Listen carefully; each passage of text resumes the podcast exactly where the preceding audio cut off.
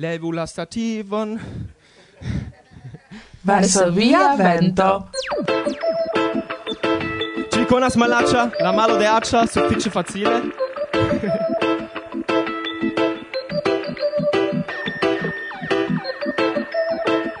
la malo de accia. Malaccia. Yes.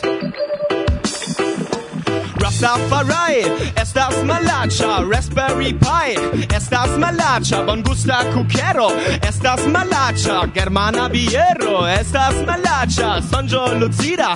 Estas malacha evil dia. Estas malacha via dio. Estas malacha ateismo. Estas malacha mi meditacias. Ĝi estas malacha teon trinkas. Estas malacha mi faras muzikon. Estas malacha mi ludas komputilon. Ĝi estas malacha mi rege umas, ĝi estas malacha rolta volumas, estas malacha mi shatas vin, ĉar vi estas malaĉa, subtenu min, ĉar mi estas malacha malacha Yes, ya Yeah. Duolingo estas malaĉa, mia piercingo estas malaĉa. Linuxo estas ege malaĉa, via kulturo estas malaĉa. Fairphone estas malaĉa, la urso Balu estas malaĉa. Sonjo lucida estas malaĉa. Mia fratiro estas malaĉa. Legi libron estas malaĉa. Accusativo estas malaĉa. Flago colora estas malaĉa diaspora estas malaĉa nova melodio. Estas malaĉa filozofio. Estas malaĉa pafklik platano. Estas malaĉa karavano. Estas malaĉa. Hey hey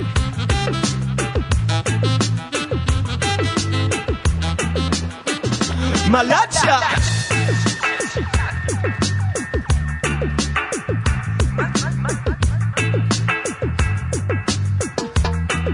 kaj la lastan fojon? Mi meditacias ĝi estas malaĉa. Teon trinkas estas malaĉa. Mi faras muzikon estas mi ludas kompotilon. Ĝi estas mi meditacias ĝi estas mi teon trinkas ĝi estas mi ŝatas vin. Ĉar vi estas subteno min ĉar ĉiuj estas? Yes, yeah.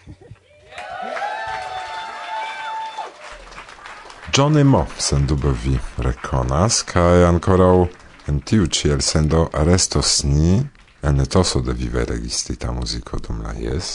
Sed ne nur. Ne nur, kompreneble.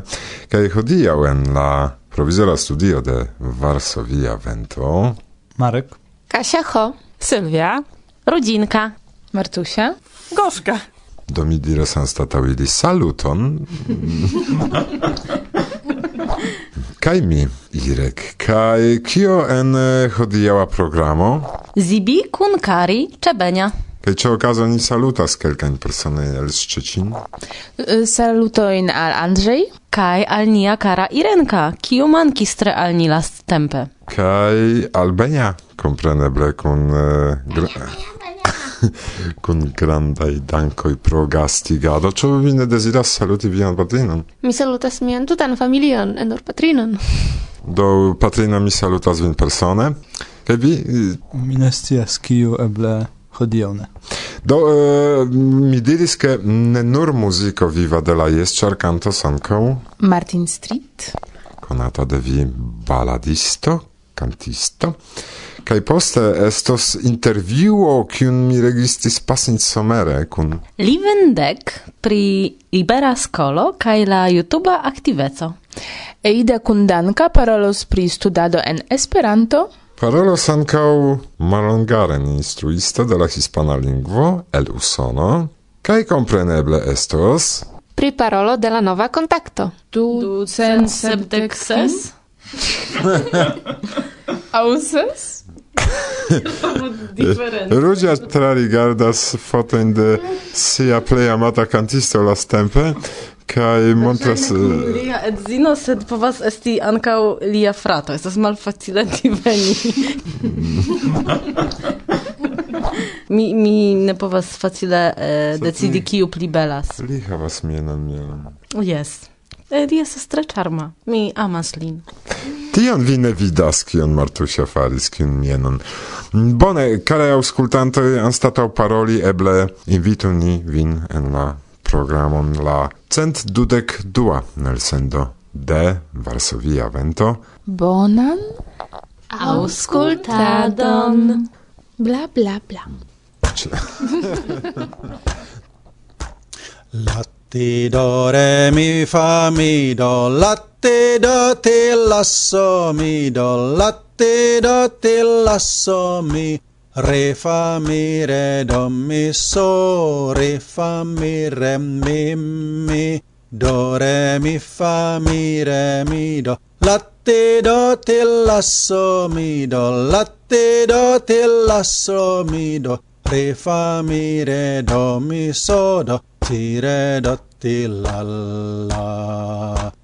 Ciui grupoi esperantai estas denun funebrantai, char Berardo ho fatal falis del piedestal, falis sur postajon, fluas aquo sub la ponto, gis la maro della monto, sur la ponto pasas multo, cae de saggio, cae de stulto, kai por homa honto sur postajon yendo maggio chargi havis pli da saggio ol la capo kai la ventr estis gil genia centr del individuo. Fluas aquo sub la ponto. Gis la maro della monto, sur la ponto passas multo, kaj de saĝo kaj de stulto kaj per homa honto. Kiom havas lida peno ĉar li estas sen posteno eble ke acceptus li esti nun secretari de la sofo poe fluas aquo sub la ponto cis la maro della monto sur la ponto passas multo, cae de saggio, cae de stulto, cae por homa honto. Ian montrigis la bancrotto, del moderna Don Quixoto, sed la nomo de Berar restos en la calendar, ec post multae iarae fluas aquo sub la ponto, Cis la maro della monto, sur la ponto pasas multo, caide saggio, caide stulto, cae por homa honto. Ostiar centoi cae armiloi, al pranepoi del prafiloi, oni montros en musee, la cef vercon del pigme, lian circuleron, Fluas aquo sub la ponto, gis la maro della monto, sur la ponto passas multo, cae de saggio, cae de stulto, cae por homa honto. Ciui diros con ridetto, teo provas che decreto, en mil naucent dudec tri, multe pli ol nun ceni, estis tut notte stulta fluas aquo sub la ponto. Cis la maro de la monto, sur la ponto passas multo, cae de saggio, cae de stolto, cae por homa honto. Dore sume gi signifas, che stultajo pli post vivas, ol valoro cae merit, ol staturo hel granit in eternum amen. Fluas aquo sub la ponto gis la maro della monto. Sur la ponto passas multo cae de saggio cae de stulto cae por homa honto.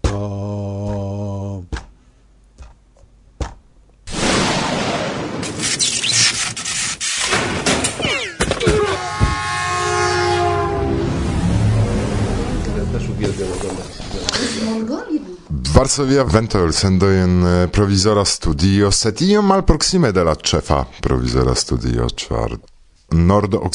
in polando a Szczecin urbo, tre bela kai tre fascina, pri kio eble kelkaj el vi ekscios fine de la jaro, set ne pri tio temas nun, eh, temas pri homo kiu sidas antaŭ la mikrofono kaj Tiu homo estas sekva jutubisto, la dua, fakte, kiun ni intervjuos por vi, ke vi eksciu, ke ekzistas tiu homoj, kiuj ne nur pere de la elsendoj deziras mesaĝi ion, sed ankaŭ pere de filmetoj, ĉu? Kompreneble jes. Ci tie sidas zibi, do eble vi konas tiujn vortojn, kiuj eh, mi parolas komence de ĉiuj filmetoj, jen zibi el Pollando. Kial vi komencis okupiĝi pri la filmado? Tio estas interesa afero. Kial? Tion mi eble ne povas diri, ĉar mi mem ne scias kial, sed eh, mi pensas ke iomete kuraĝigis min filmeto de Hispanio, mi ne memoras nun kiu faris tion filmeton, en kiu hispana esperantisto parolis, ke estas bona ideo fari video filmetoin por YouTube. Do mi provis fari iun provan filmeton kai kia mi ekvidis gin mi pensis ke tio ne estas bona ideo vidante min mem. Sed poste paso post paso, mi komencis do tiu hispana estis sen sendube. Kai oni povas ausculti post momenta giuste interviuon kun Livendek, do estas absoluta kun ordigo sen pripenso. Kion vi desiras pere de tiu filmeto in atingi messaggi? Mi simple filmas mian eh, vivon, mi pensas, char tio estas videoblogo do mi simple volas eh, montri alla mondo eh, vivo en, en nia lando en eh, Pollando en nia urbo Szczecin au Szczecino eble kai mi volas tiu maniere montri alla mondo che Esperanto normale funkcias kiel la lingvo uzata ankaŭ en videoblogado. Kaj apud Zibi sidas la ĉefa stelo de tiuj ĉi videoblogoj. Alproksimiĝu bonvolu. Saluton, mi estas Kari. Ĉu vi ne hontas kiam Zibi manipulas en telefono filmante vin kaj premante vin a diru ion al esperantistoj mi kaptos pli grandan atenton por miaj filmetoj? mi ne scias kion respondi. tre, ne, tre modesta, tre modesta. Ĉu vi ŝatas tion? Yes, mi shatas, uh, eh, sed mi iomete timas, char mi ne estas aktorino. Ke vi, Sibi, vi estas aktoro? Ĉar tamen uh, viaj filmetoj kaptas atenton. Ne, mi ne estas aktoro, nek reĝisoro. Se eh, uh, miei filmetoj kaptas atenton, tio estas bona, sed mi ege ne certas, ĉu tio funkcias bone. Kiel fari tiun filmeton? Eble estas inter eh, auscultantoj tiuj, kiuj nuntempe a ah, dua jutubisto, eble mi fariĝos la tria. Kaj kiel fari por iĝi jutubisto? Simple filmi cion, mi pensas. Ĉar poste, eble, kiam vi havas eh, multe da mm, filmetojn en via, eble poŝtelefono eĉ, tio sufiĉas. Mm, vi povas simple uzi, eble ne ciui, sed uzi quelcain de tiui filmetoi, munti en uno, kai simple montri simplai historioin. Oni bezonas havi multkostan kameraon? Ne, tute ne. Mi havas nur mian poŝtelefonon, jes. Mi ne havas specialan mikrofonon. Por montado mi uzas mian komputilon kaj ege simplan Windows Movie Maker. Ez vere simpla programo. Ĉu? Simplega simplega. Ĉu multe da tempo vi perdas por monti? Jes, tio eh, bezonas la tempon, ĉar mi kutime bezonas eble unu kaj duono au du horoin por monti unu filmeton.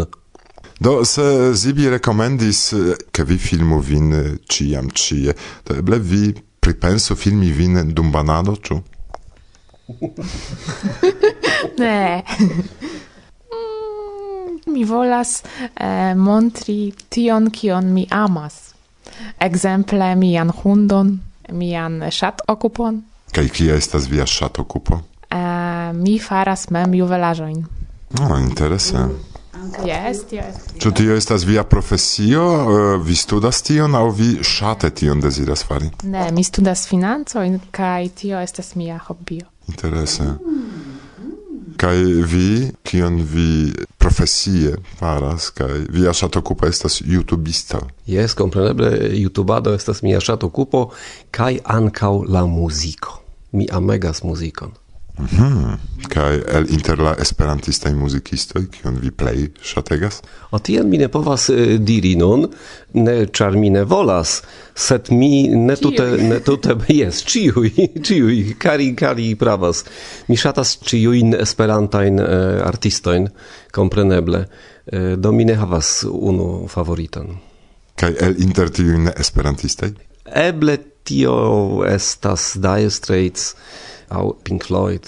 Do Mark Knopfler vi audis tion kaj eh, nepre spektu mm, filmetojn de Zibi kiujn oni povos vidi ne nur renovigadon de lia loĝejo nuntempe, sed certe ankaŭ mesaĝo eble ion por vi. Ĉu vi deziras ion diri al la esperantistoj, kiuj ne vere uzas YouTube-on, sed eh, aŭskultas la elsendojn? Mi volas eh, diri al ili che eh, youtubado che filmetoi En YouTube estas ankaŭ ege interesaj ne nur radio el sendojn kiel eh, Varsovia Vento kompreneble plej bona en la mondo. Do provu ankaŭ serĉi filmetojn en YouTube ne nur mian kanalon sed ankaŭ aliaj esperantistoj estas multe da materialoj ĉe YouTube. Den prescribo de la elsendo vi trovos ligilon al eh, YouTube kanalo de Livendek extremoi kaj certe aspekto filmetojn de Zibi estas tre interesaj kaj salutoj por viaj ŝatantoj eh, Salutoj por eh, miei ŝatantoj kaj kompreneble salutoj por aŭskultantoj de Varsovia Vento. Salutoj, bla bla bla. Do giuste, eh, el provisora studio de Varsovia Vento che un tempo translocigis al Szczecino por ne tro longa tempo parolis mi kun Kari kaj Zibi kaj nun ni povas fin trinki la botelon de pruna vodko. Pruna? Pruna, jes, fakte ĝi estas pruna kaj ni estas ĉi tie. Kial? Vi scias. Ĉu vi ne scias? Ni estas Yes, yes, yes mi scias. yes, yes, yes. Tio signifas ke en Štetino okazos junulara Esperanta semajno. Kaj nun ni beniumas. Halo, dankon. Halo, dankon. mi invitas vin en la sekvan programeron reklamo. Inter la 21 kaj 23 de aprilo okazos en Szczecin, la nord-okcidenta parto de Polando, la kvara szep, la Szczecina e printempo. Ciare oni planas inter alie prezenti kulturajn valorojn de la urbo, eblos partopreni muzikkoncerton en novkonstruita impresa Szczecina Filharmonio kaj rigardi filmon en unu el la plej malnovaj daŭre funkciantaj kinejoj en la mondo. Kaj ne nur. Aliĝu kaj venu! Pli da informoj pere de ligilo en la priskribo de nia programo. Varsovia vento, bla bla bla! Nun venas iomete pli malnova kanto.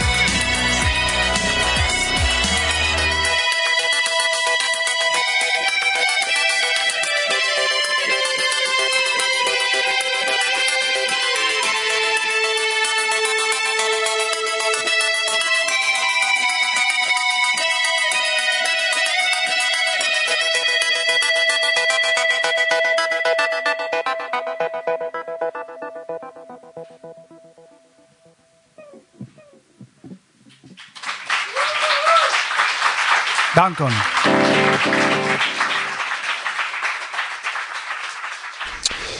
La sepdek fina hispana Esperanto kongreso kaj eh, jam vi aŭdis kelkajn intervjuojn eh, kun eh, poetoj, kun verkistoj, kiun oni povas nomi Ibera Skolo.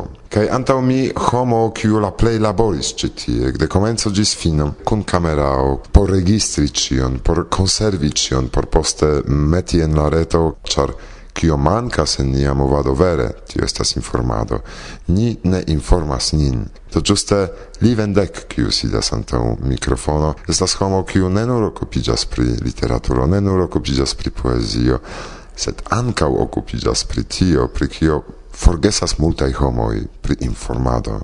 Sed ekde komenco unue prezentiĝu, ĉar homoj konas vin kiel Livendek kaj vi havis kelkajn pseŭdonomojn, mi scias, do eble prezentiĝu vi Bone, mia nomo estas uh, Miguel Gutierrez Aduriz, tio estas mia vera nomo, kai eh, mia unua pseudonimo au pseudonomo estas Livendek, poste venas plurai aliai Esvenatum, Maria Zocato, cotopo, cotopo. Do, mi estas parto el la tiel nomata Ibera Scolo, quancan ni shatas nominin Ibera grupo, char facte ni estas grupo de homoi, el Iberio, cae tio estas la simpla afero, ni ne rigardas nin vera skolo, tamen en la Esperanto movado kiam aperas grupo de personoj kiu faras la saman beletran agadon, oni consideras tion skolo, do ni acceptas tion al nomon. Kai Ies vi parolis prave pri tio che mi occupigas pri diversaj aferoj. Ne temas nur pri tio che mi vercas, kio estas mia plei amata cevaleto, sed ancao pri tio che mi occupigas ancao pri informado, pri la tenado de canaloi, mi creis plura in kanalojn en YouTube kai pri informado ie alia scalo. Fakte ankaŭ mi verkas lernolibrojn, la nun tempe uzata lernolibro in Hispanio estas farita de mi Esperanto curso basico. anka mi faras vortaroin, do la nun tempa vortaro de Esperanto usata in Hispanio ancau, anka mi faris, char mi estas homo de comence iom conscia pri la mancoi cae la besonoi de Esperanto, cae mi difinis al mi certan linion de agado en kiu mi devas prisorgi giuste che estu suffice da instruiloi, suffice al nivelai, cae alla atingo povo de kiel eble plei multe da homoi,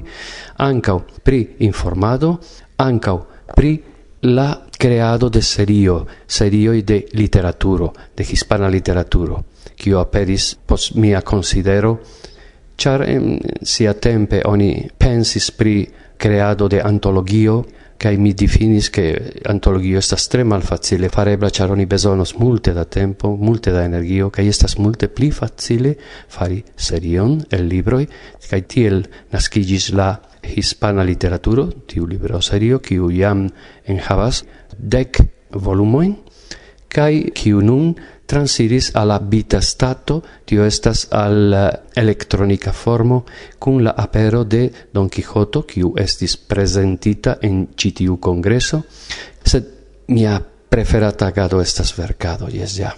Do, tio estas ĝuste interesa afero, kaj jam mi parolis pri tio, kaj eble vi malkovros antaŭ mi la sekreton, Kiel ĝuste en Hispanio aperis tio multe da homoj kiuj verkas poemojn. Do oni povas diri, ke en eh, Hungario estas eh, bona instruistoj, en Svedio kaj Francio kolektiĝis bonaj muzikistoj kaj ili vere prezentas altnivelan arton, ĉu ne? En Hispanio poetoj, en Hispanio verkistoj kaj ne nur via kvar opa grupo, sed ankaŭ la aliaj verkas pri diversaj aferoj, poemoj. Kial kio estas en hispana Esperanto movado, kio eble estas en hispana vino. Vi parolis pri grava afero la vino, ĉar ni ĉiam estas eh, eh, ni ciam convenas kai estas vino yes kai eh, anca biero kai ni tre juas la figon tio eble estas en nia mediterranea ni diru parto en la parto el ni kiu faras nin homo kiu tre juas eh, muzikon dancon cun ridado, cun festado generale en ciu horo en ciu momento kai la facto che e che stis gruppo da amicoi, cer facte en la fino Ni estas grupo de amico qui amas literaturo in generale Vi parlas pri poezio kaj fakte en la comenzo ni decidis cum verki libron qui es titolo estas Ibere Libere, suffice conata en la medio de homo qui interesiĝas pri poezio, sed fakte vidu estas homoi qui verkas poemon je belega kaj bonega nivelo. exemple, estas Miguel Fernández, Temas pri amai poemoi kai Jorge Camacho. Ili estas chefai ankau ni povas pensi pri Gonzalo Neves, nia a portugala amico kai ankau pri la granda Abel Montagut, eh, qui es verco poeme verkita estas poemo de unua mi rigardas min la plei minora el ciui en tiu senso, ĉu? Mi verkas poemojn, ĉar mi havas tiun senton iom poezieca, mi estas como cum tia ideo. Eble eble tio devenas de Hispanio de de de iu certa historia momento in kiu Hispanio transidis al democratezzo ĉu ne? Ni, ni, ni vivis sub la piedo de tirano kai subite cio sangigis kai eble tiu explodo cune de imagemo de inventemo kai la eblo diri ionain kion antaŭe tute ne eblis. Do eble pro tio mi ne cias mi, mi neniam sploris la causum fakte reclamo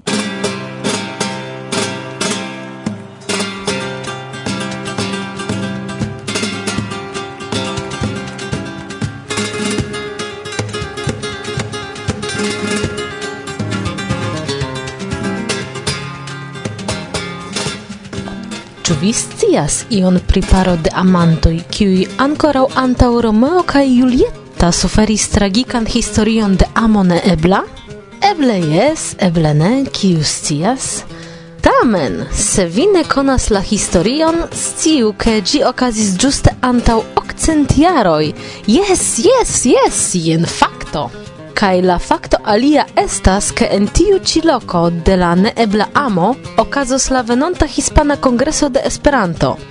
Teruelo. Unu el plej charmaj urboj en Hispanio invitas vin inter la dudek tria kaj dudek kvina de junio. Kaj, kvankam ke ne temas jam pri la jubilea kongreso, sciu, ke ankaŭ ĝi ne ripetiĝos. Vizitu la retejon, sopiru ci pri da detaloj, kaj renkontiĝu ni en truelo. Ĝis tiam!